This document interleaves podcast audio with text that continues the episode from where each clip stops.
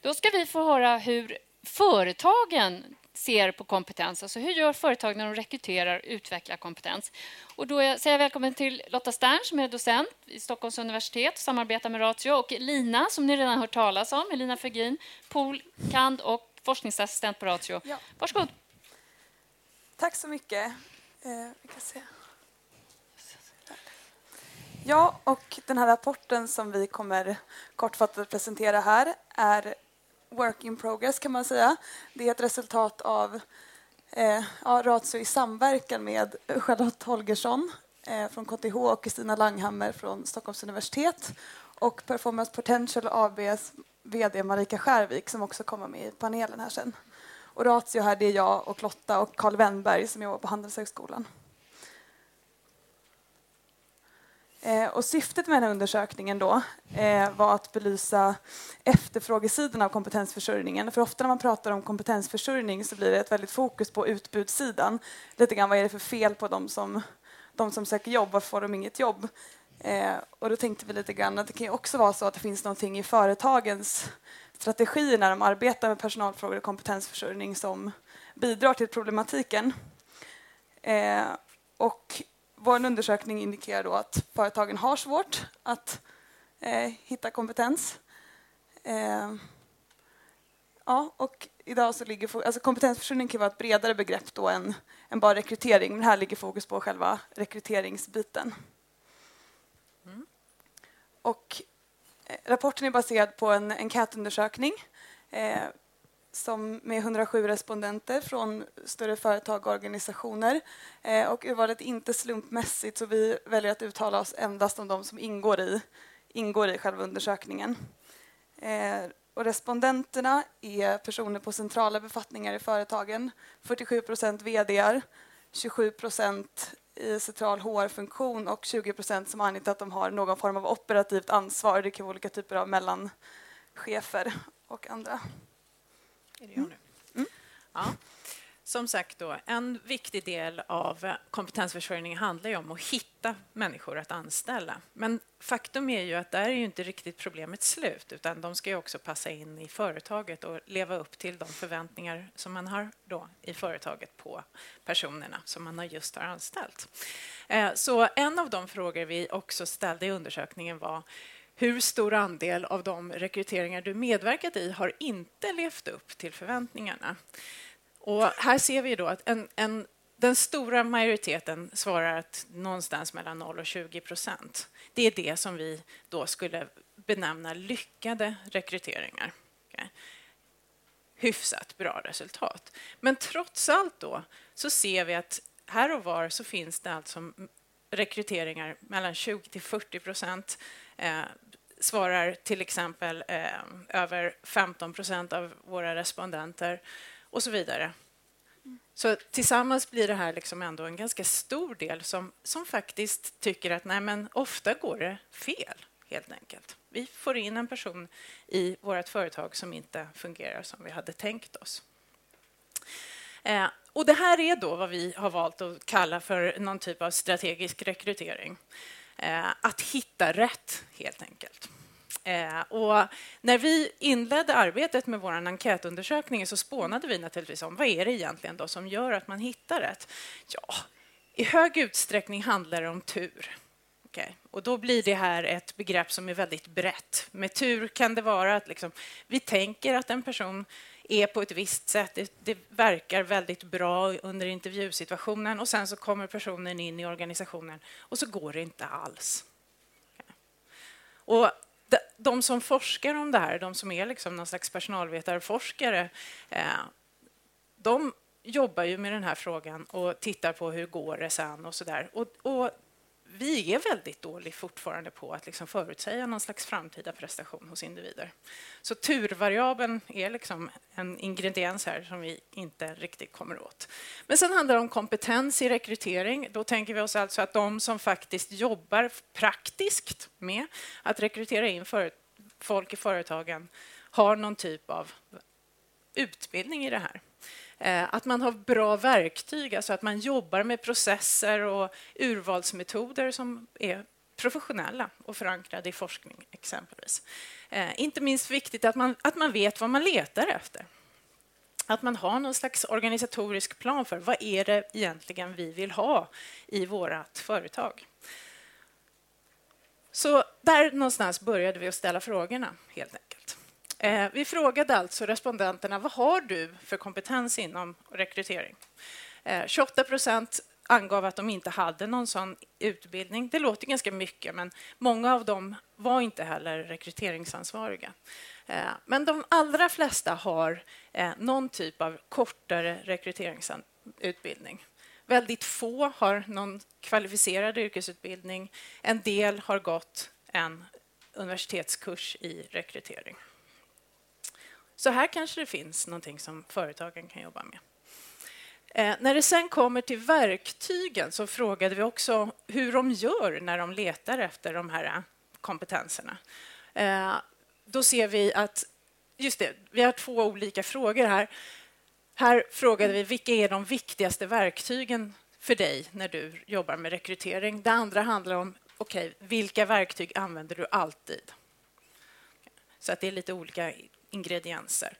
Eh, CV använder folk i väldigt hög utsträckning, 59 procent av respondenterna. Eh, på en skala från 1 till 5 hur viktigt CV är så är, ligger företagen på 4,5 procent, eller 4,5 i genomsnitt. Eh, och så vidare, då, sorterade i någon slags eh, fallande skala. Vad vi ser här är att om, om man tittar på CV, referenser och att vara flera intervjuare, då är det de viktigaste liksom, urvalsmetoderna. Det är så man hittar de som man eventuellt vill gå vidare med, tolkar vi det som. Eh, men sen när man väl har fått dem på plats, då, vad gör man då? Jo, då ser vi att det är ganska vanligt att man använder sig av ostrukturerade intervjuer, till exempel. Faktorer som magkänsla, hur känns det? Det kanske är den här tysta kunskapen som, som vi pratade om tidigare. Eh, och mest ovanligt är det fortfarande med tester, headhunters och olika typer av övningar i rekryteringssammanhang. Ska jag säga något mer där? Nej. Eh, när vi då gick vidare så tänkte vi, ja, okej, men vad önskar de att de visste om rekrytering som de inte kan idag? Eh, då ställde vi frågor om skulle ditt, tror du att resultatet av ditt rekryteringsarbete skulle förbättras om du hade mer kompetens på något, på något område? Vi frågade om verktyg för rekrytering och urval, lagar och regler kring rekrytering och urval, gruppprocesser och gruppdynamik eller någon annan typ av kompetens. Eh, den stora biten här är framför allt det här med verktyg eh, och metoder. Och Det är ju väldigt intressant, för det här är ju också någonting som när vi tittar på vad forskningen säger om hur bör man rekrytera eller vad är en framgångsrik rekryteringsstrategi så är det just den här typen av verktyg, tester och så vidare som man vill. Mm.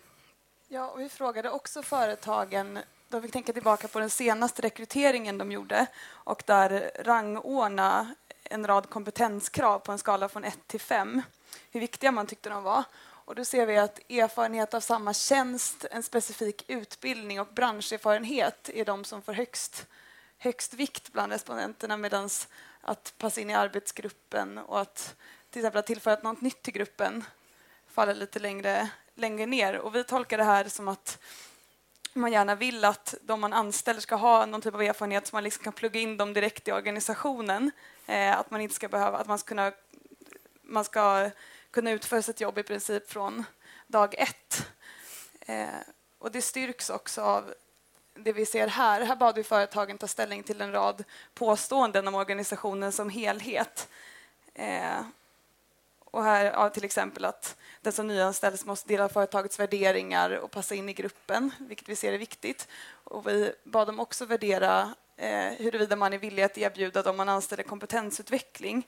Eh, och här ser vi att det får i genomsnitt bara 2, värderas som 2,5 och det är ungefär, det är inte det är man inte jättevillig till att göra och det styrker då tesen att man kanske gärna vill anställa någon som liksom passar in med en gång, som man inte som är ganska självgående från starten.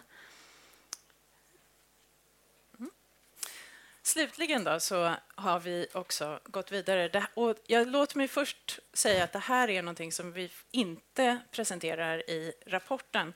Eh, det här är alltså väldigt preliminära resultat, men vi kan ju som forskare sällan låta bli att göra regressionsanalyser. Och det här är resultatet av en sådan, där vi har använt då som utfallsvariabel den här eh, som jag nämnde som lyckade rekryteringar, det vill säga de som har 0 till 20 procent av, av rekryteringarna som, som funkar rätt bra.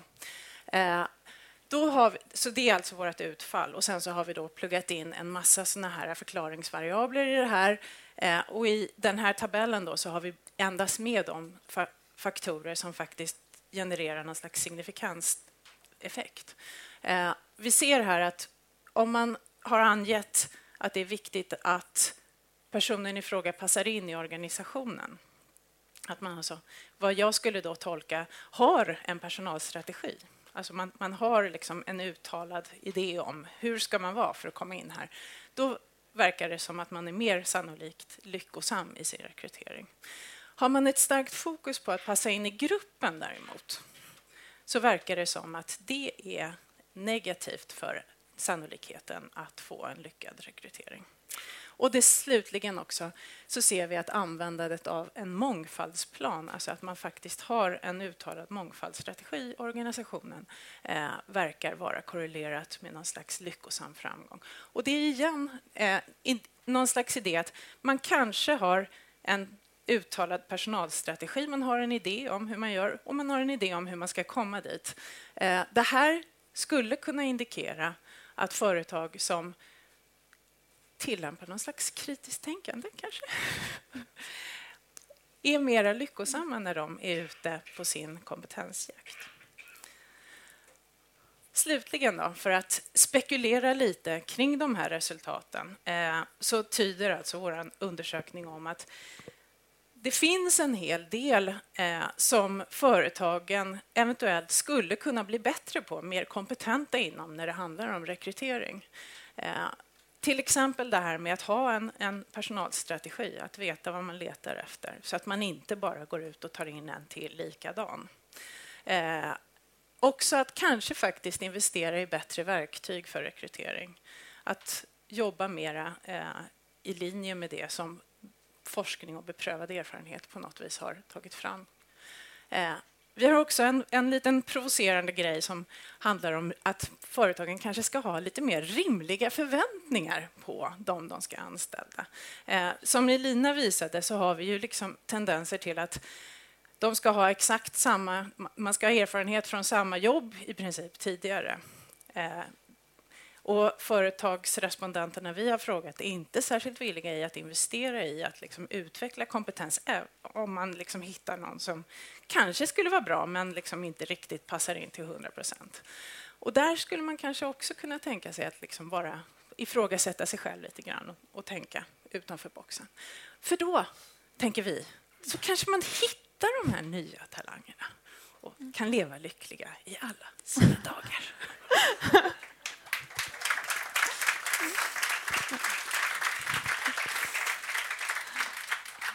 Ni ska få sällskap här på scenen av tre personer som skulle ha kunnat vara respondenter i er undersökning, mm. men som inte är det. Välkommen upp säger jag till Lasse Friberg från Swedbank, Therese Jönmark från E.ON och Marika Skärvik från Performance Potential. Och medan ni tar plats på scenen så ska jag också säga till panelen att nu bryter vi formen. Jag tänker inte skicka runt ordet, utan ni får eh, hugga ordet. Eh, Lorenz är snabb, men jag börjar med de nykomlingarna här på scenen. Um, är det brist i utbudet eller efterfrågan? Det är faktiskt min, min första kommentar. Eh, om ni tittar självkritiskt på, på era organisationer eh, och verksamheter, är det brist i utbudet eller efterfrågan? Finns talangerna där ute, men, men vi tittar fel som Elina och Lotta eh, undersökning antyder? Alltså, du får börja. Nej, men jag tror att det är... Om man tittar på, på bankbranschen, då, att det kanske är lite efterfrågan som tryter just nu. Alltså. Sen kommer det att se helt annorlunda ut eh, om ett antal år och utbudet kommer att se helt annorlunda ut också, så det kan man komma tillbaka till och, och prata lite mer om.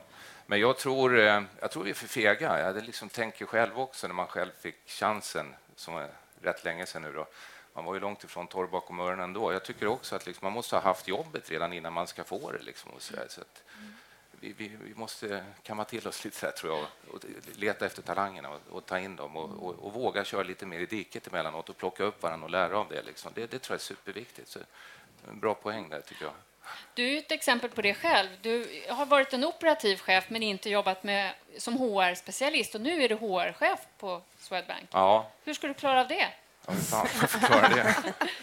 Nej, men det är väl ett bra tecken på att man har en bra chef då, som liksom tänker lite annorlunda banor. Och det, det, det är väl det man får lära av själv också, då, att liksom våga se nästa steg i utveckling och hur kan man liksom använda de personer som man har i företaget och, och hitta rätt konstellationer. Vi har ju 150 extremt duktiga HR-personer i Swedbank, minst. Då. Och sen så kommer jag med ja, lite från sidan med en annan typ av erfarenhet. Och så hoppas vi att det där blir en, blir en bra mix och kan, kan få runt det. Vi vill ju jobba mycket mer med intern rörlighet i företaget också. Eh, och, och så där. Så att, ja, förhoppningsvis kan min bakgrund skjuta på lite. Men jag kan inget om HR, så det får du fråga andra ja. Då skickar vi vidare frågan till Therese. Är det brist så. på utbudet eller efterfrågan? Eh, absolut inte, utan det är ju det är att hitta nya konventionella, konventionella metoder. tror jag är, är det viktigaste. Du är till skillnad från Lasse utbildad och har jobbat ja, väldigt länge 20 som år har jag, HR-specialist. har jag inom Ja. eh, HR, som HR-bakgrund, så det är klart, jag, jag kan HR. Ja. Eh, men samtidigt också så um, har ju vi en, en organisation där vi utmanar och, och försöker hitta det. Så jag har också fått nya eh, ansvarsområden till mig, framförallt då hälsa och säkerhet, safety, HSSE-området och miljö som jag nu ansvarar också sen, sen förra året. Så att, eh, vi jobbar också med att försöka utmana dem som vi redan har anställda i organisationen. Och det i sin tur tror jag bidrar också till att man då letar efter lite okonventionella metoder eh, när man rekryterar. Vad menar du med okonventionella metoder? Alltså är, är det de här beprövade som, som Lotta och Elina vet Mm. ger eh, lyckade resultat eller går ni liksom helt utanför boxen? Och, Ja, men jag tror precis som när vi pratar om kompetens och bygga basen, att man ska ha någon form av grundkompetens. Eh, Man går en utbildning eh, och sen bygger vi på med olika eh, kunskapsområden efterhand som vi blir mer erfarna. Precis likadant tror jag det är när vi, när vi, när vi jobbar med, med rekrytering och hur vi, hur vi, alltså att vi har ett strukturerat sätt att arbeta med rekrytering som sådant. Men när vi letar när vi försöker hitta de här talangerna, att vi då är okonventionella och tittar utanför vårt eh, normala, eh, vår normala sfär. För att annars blir det att vi gärna vi, vi, vi attraheras av dem och rekryterar dem som, som vi ja, är oftast li- lika oss själva. Ja.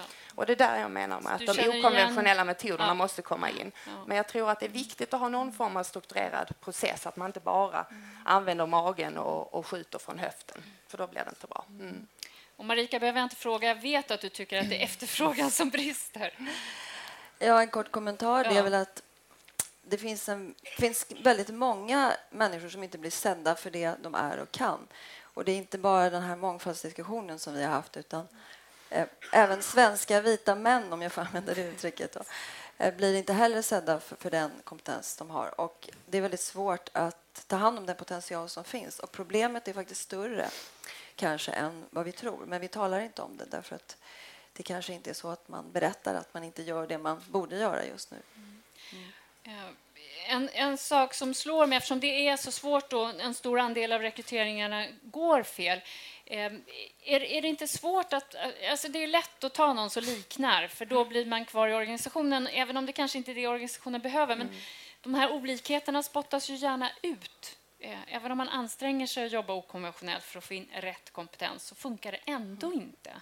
Har du något bra verktyg för det? Just det här ordet mänsklig blomstring som vi pratar om här. Och det, det är väl det som är, jag tycker det är så underbart. Det, ja. Och det är väl lite det som vi försöker, när vi, även om vi rekryterar en individ och, och den, menar, någonstans har ju den varit bra, annars hade den ju inte varit där. Men det kanske inte föll på plats direkt. Och det är väl det lite grann, är man då en större organisation, är man en mindre organisation är det kanske svårare att hitta nya möjligheter och nya platser. Men man, att där man ser att ja, men här, vi har ändå en fantastisk individ och den, vi har ju sett den för någonting. Var kan vi finna en annan plats i, i vår organisation där den här personen kan blomstra? Eh, och det tycker jag det, det är väl också ett sätt att, där vi, Är det där vi viktigt för. E.ON att jobba så med intern kompetensutveckling? Ja, och, ja, absolut. Men vi rekryterar ju också Ja. externt. Ja, Men vi rekryterar ungefär 250 eh, personer varje år. Och, och det är ju mestadels ersättningsrekryterare för folk som går i pension, vilket gör att ett oerhört stort gap när man har individer som har jobbat väldigt länge för väldigt låg personalomsättning i, i energibranschen överlag och även på E.ON, eh, när man då ska eh, tillsätta nya individer. Så det här är en framtidsutmaning. Det var Lasse Ja. redan inne på. Jag tänkte vi ska ta det. Jag vill bara höra vad Lorenz först hade på hjärtat. Och eh, Johannes, Jakob och Hannes. Sen så tillbaka till panelen. Varsågod. Ja, jag, ty jag tyckte bara det var så intressant det här med att, eh, att det fanns en viss liksom, trångsynthet i att bara rekrytera de som passade in i hade samma tjänst sen innan och liknande. Jag tar ett exempel från, från min, min egen värld. Jag jobbade tidigare på en kommunikationsbyrå som sa att eh, vi rekryterar från hela spektrat. Vi tar in humanister, vi tar in alla. Eh, alla möjliga typer av människor för att det berikar oss just. Eh, om man tittar på min bakgrund så hade jag pluggat filosofi och lite retorik innan och de tänkte att jag var klippt och skuren för det här. Eh, bara för att de just inte tittade på de här hårda ja, men examen, liksom, vad man har pluggat, och, utan ha, ha, liksom, tog in fler, fler parametrar i det där. Väldigt intressant tycker jag. Eh, så jag tror att eh, just mångfalden där är väldigt intressant. Härligt. Skicka vidare till Johannes, tror jag var först. Hannes. Tack så mycket.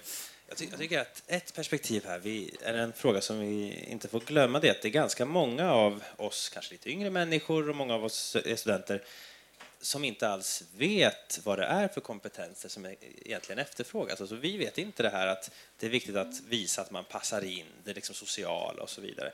Och därför så, och det vill jag återkomma till, att jag tror att mötet mellan arbetsgivare och potentiella arbetstagare är oerhört viktigt och där som, som jag ser det så brister det verkligen idag. Och där tror jag att vi måste satsa mer på karriärcentrum på universitet till exempel, där man kan mötas och mötas på ett sätt som inte är då just idag har vi en karriärdag när alla står i en lång kö till de liksom Jaha, eftertraktade det ska arbetsgivarna. inte vara en, en happening en gång om året, för- för jag utan det är något mer någon. Jag, strukturerat. jag, jag pluggade och- statskunskap och det var liksom så här 50 personer stod runt någon som jobbade på utrikesdepartementet. Liksom. Det är klart att vi inte får ett möte då och får veta vad som efterfrågas. Så jag tror liksom att, att, att hela på något sätt utbildningsväsendet just genomsyras av arbetsmarknadstanken. Det tror jag är viktigt. Skicka till Hannes. Eh, Ja, men det jag tycker är väldigt intressant också, man pratar om hur viktigt det är att liksom, rätt tjänst tidigare. Och mycket debatten har ju varit kring framförallt ungdomsarbetslösheten, hur viktigt det är att så här, få det första jobbet och få en fot in på arbetsmarknaden. Och då, man beskriver arbetsmarknaden så väldigt generell. Man kanske ska sluta prata om en fot in och istället prata liksom om en tå in på rätt ställe snarare, för det är kanske det som verkligen eh, är viktigt. Och då tror vi väldigt mycket, till exempel, se över hur eh, resursfördelningen sker till lärosäten och så vidare. Kanske de lärosäten som eh, har mer samverkan med, eh, med arbetsmarknaden kanske ska få då eh, mer eh, ekonomiska medel och inte bara fokusera liksom, på helårsprestationer hos studenter. Jakob. Eh, jag tycker också det här med att kraven på erfarenhet är så höga att det är väldigt intressant. Och det blir ju den här klassiska moment 22, att man ska ha haft ett jobb för att få sitt första jobb. Och hur ska man då få det första jobbet från första början? Eh, och då ser jag liksom som nationalekonom de här mer institutionella faktorerna. Och det, är- väldigt dyrt att rekrytera. Eh, och det är svårt att göra sig av med folk om det blir fel. Och dessutom så har vi väldigt höga ingångslöner i Sverige. Så att då blir det så att det måste liksom bli perfekt. Och blir det inte det, då, då anställer man inte. Eh, så att här tror jag att en stor del av problemet ligger. Det, jag, det, jag vill verkligen höra hur ni ser på det. Plug and play-arbetskraft pratar man om, det här med att vara produktiv från dag ett. Det ska inte krävas någon intern eh, inskolning eller utbildning egentligen. Eh, är, det, är det så slimmat i näringslivet idag att det inte finns utrymme för, för varken o, olikheter eller introduktioner?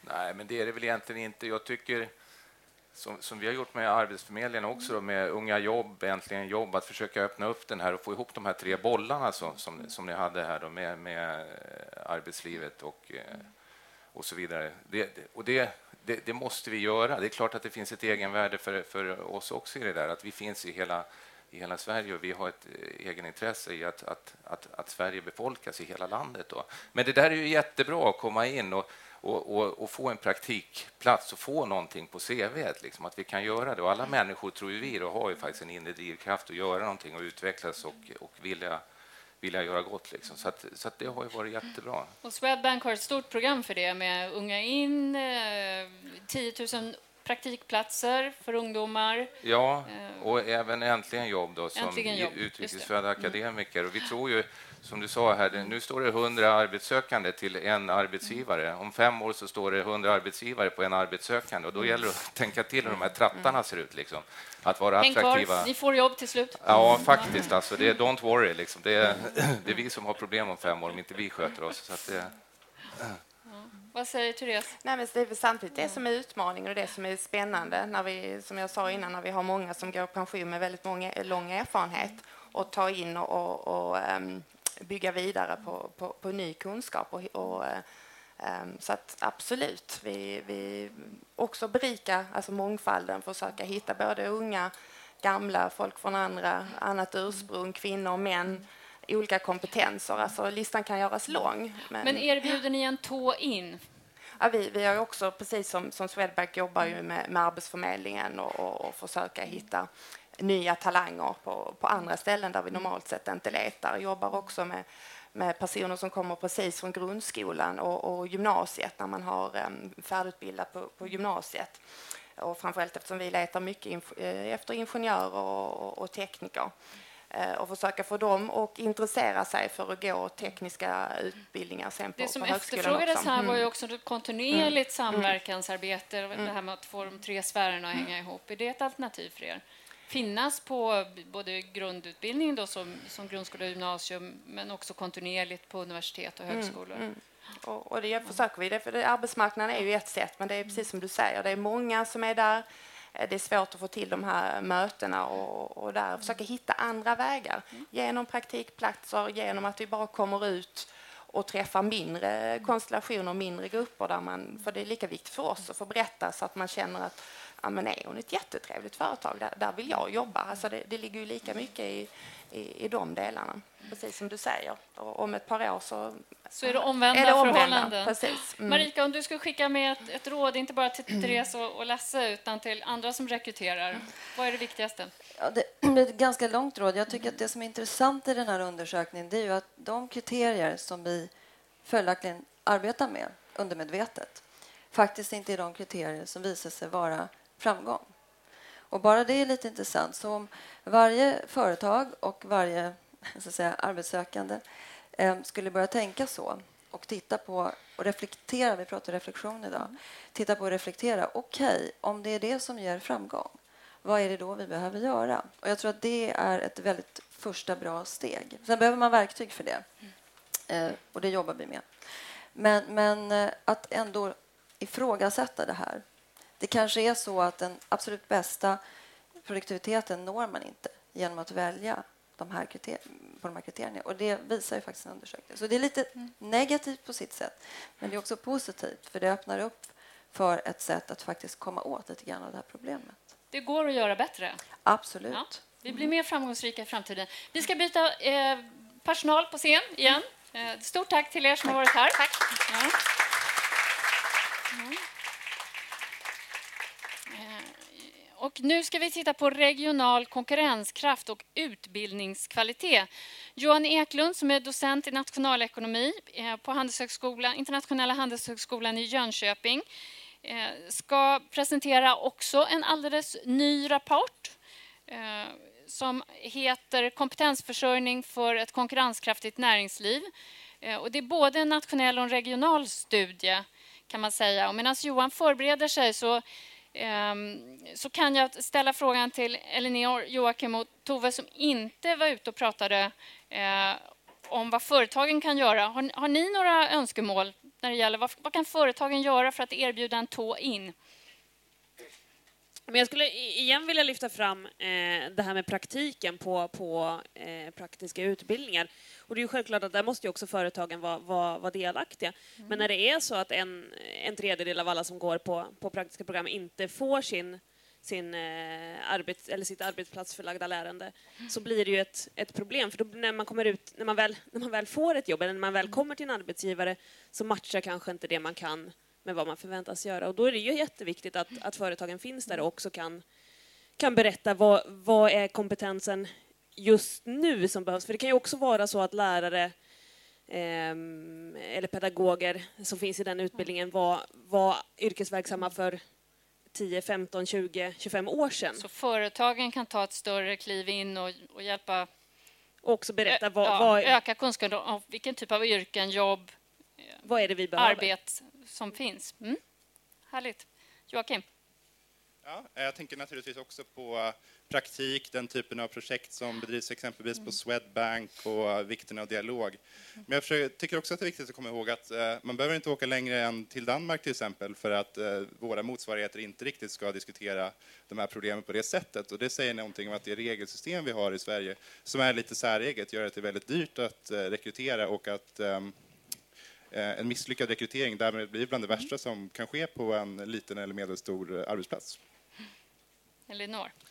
Jag tänkte på det här vad stor roll CV spelade som fick liksom ja, högst... det, var, det var absolut viktigast. Ja, som fick mm. högst betyg. Och då tänker jag, det är ju inte eh, liksom layouten på CV utan förstås vad som står eh, i det. Så, så jag tolkar liksom ändå in det som någon slags erfarenhet. Och mm. Då kan man kanske tycka att det låter löjligt men något måste man ju kunna skriva i det där. Och då tror jag att sommarjobb är en sån första sak som är den gången man kanske första gången provar på att ha ett jobb. Eh, och, så där. och Då skulle jag gärna vilja se att företag erbjöd eh, fler eh, sommarjobb och vågade eh, göra det. Toppen. Vill du säga något också Hugo så får du chansen. Ja.